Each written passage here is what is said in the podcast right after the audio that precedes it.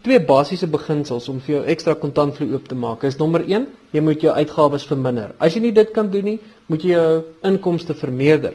As jy nie dit kan doen nie, dan moet jy nou begin kreatief raak om daai twee goedjies te kan bewerkstellig. So Ek sê vir die ouens wat beplan om op vakansie te gaan in Desember, almal praat van 'n spaarvarkie, man. Gryp sommer 'n koffieblik of 'n skoenboks of 'n ding en druk hom daar ergens in 'n kas waar jy almal die klein geld kan ingooi. Verbruikers moet maar 'n bietjie kreatief raak. Kyk wat is moontlik vir jou want elke ou se behoeftes verskil ook.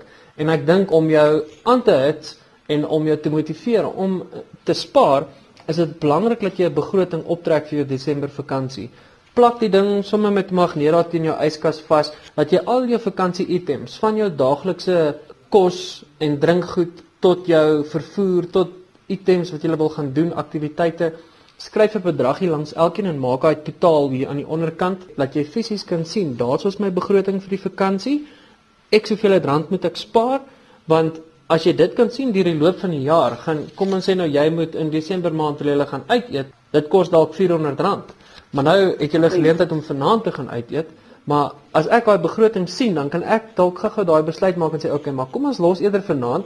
Daai R400 sit ek sommer dadelik in die kitty vir Desember maand se uit eet, dan weet ek ten minste daai een is uitgesorteer vir Desember."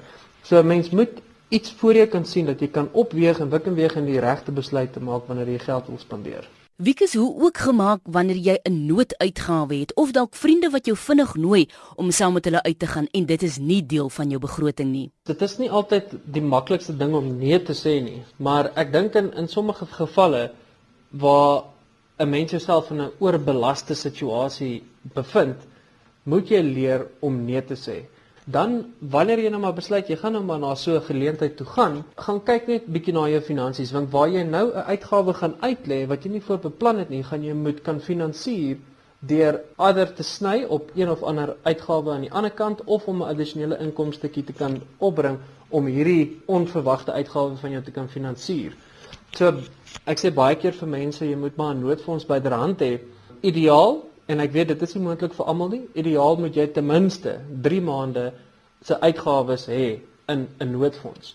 So wanneer jy dalk afgelê word by die werk of iets gebeur, dan het jy ten minste daardie spaargeldjies in 'n buffer om jouself te kan deursien. Maar dit is 'n allesomvattende benadering daai en dit is nie altyd vir almal moontlik nie, maar dit is die regte manier om dit te doen. Ons het nou begroot vir die jaar, Desember maand lekker gering kink en was spandabelrig.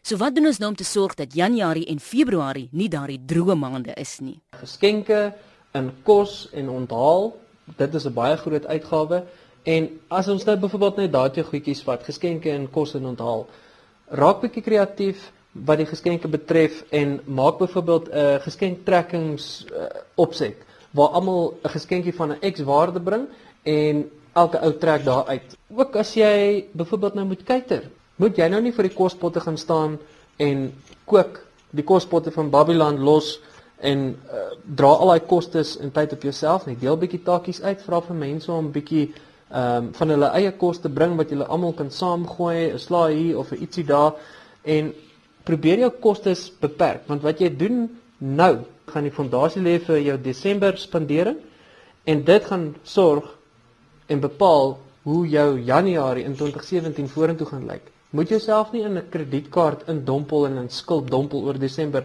net om by te bly by ander mense se verwagtinge nie, want jou eie waarde moet nie gelykstaande wees aan jou netto waarde nie. Dit is 'n mens moet maar dankbaar wees vir wat jy het en daar gaan altyd mense wees wat meer het as jy. Daar gaan ook altyd mense wees wat minder het as jy. Maar wees tevrede met wat jy het. Doen wat jy kan met dit wat jy het. Want ryk is word ryk omdat hulle leef soos mense wat platsak is. Baie ryk is so. Maar platsak mense bly platsak omdat hulle probeer leef soos die ryk is. Moet nie in daardie strik trap nie.